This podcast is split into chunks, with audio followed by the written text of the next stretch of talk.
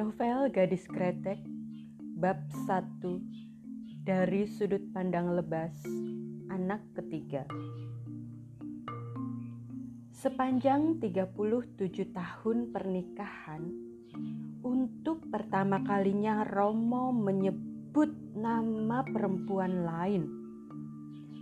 Jeng Yah Kilatan api cemburu yang biasanya tidak pernah diperlihatkan ibu kini nampak jelas berkobar-kobar, siap melalap siapa pun dalam jangkauannya. Romo sekarat. Berhari-hari dia mengigau-igau sebuah nama. Jengyah. Romo demikian lebas menggunakan padanan kata untuk ayah Romonya sekarat. Sudah tiga tahun terakhir menderita stroke. Separuh badannya mati. Selain ayah, Lebas juga tidak menyangka bahwa ibunya pun sekarat. Bukan tubuh, melainkan hati. Hati ibu menganga perih tertebas oleh ucapan Romo saat mengigau nama Jengya.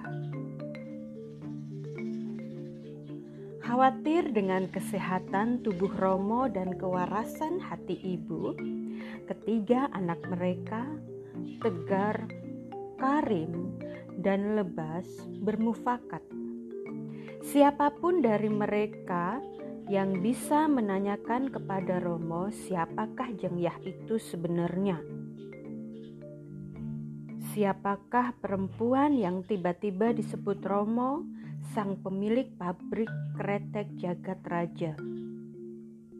Lebas, anak ketiga Romo, berhasil menanyai tentang Jengyah. Menurut Romo, Romo dan Jengyah terakhir kali bertemu di kota Kudus, Jawa Tengah. Mendengar informasi itu, Lebas segera memberitahu kakak-kakaknya. Usai diskusi dengan berbagai penjabaran alasan, dipilihlah Lebas seorang diri yang pergi ke Kudus mencari informasi tentang Jengyah. Tentu saja tanpa sepengetahuan ibu apakah Lebas akan berhasil menemui Jengyah?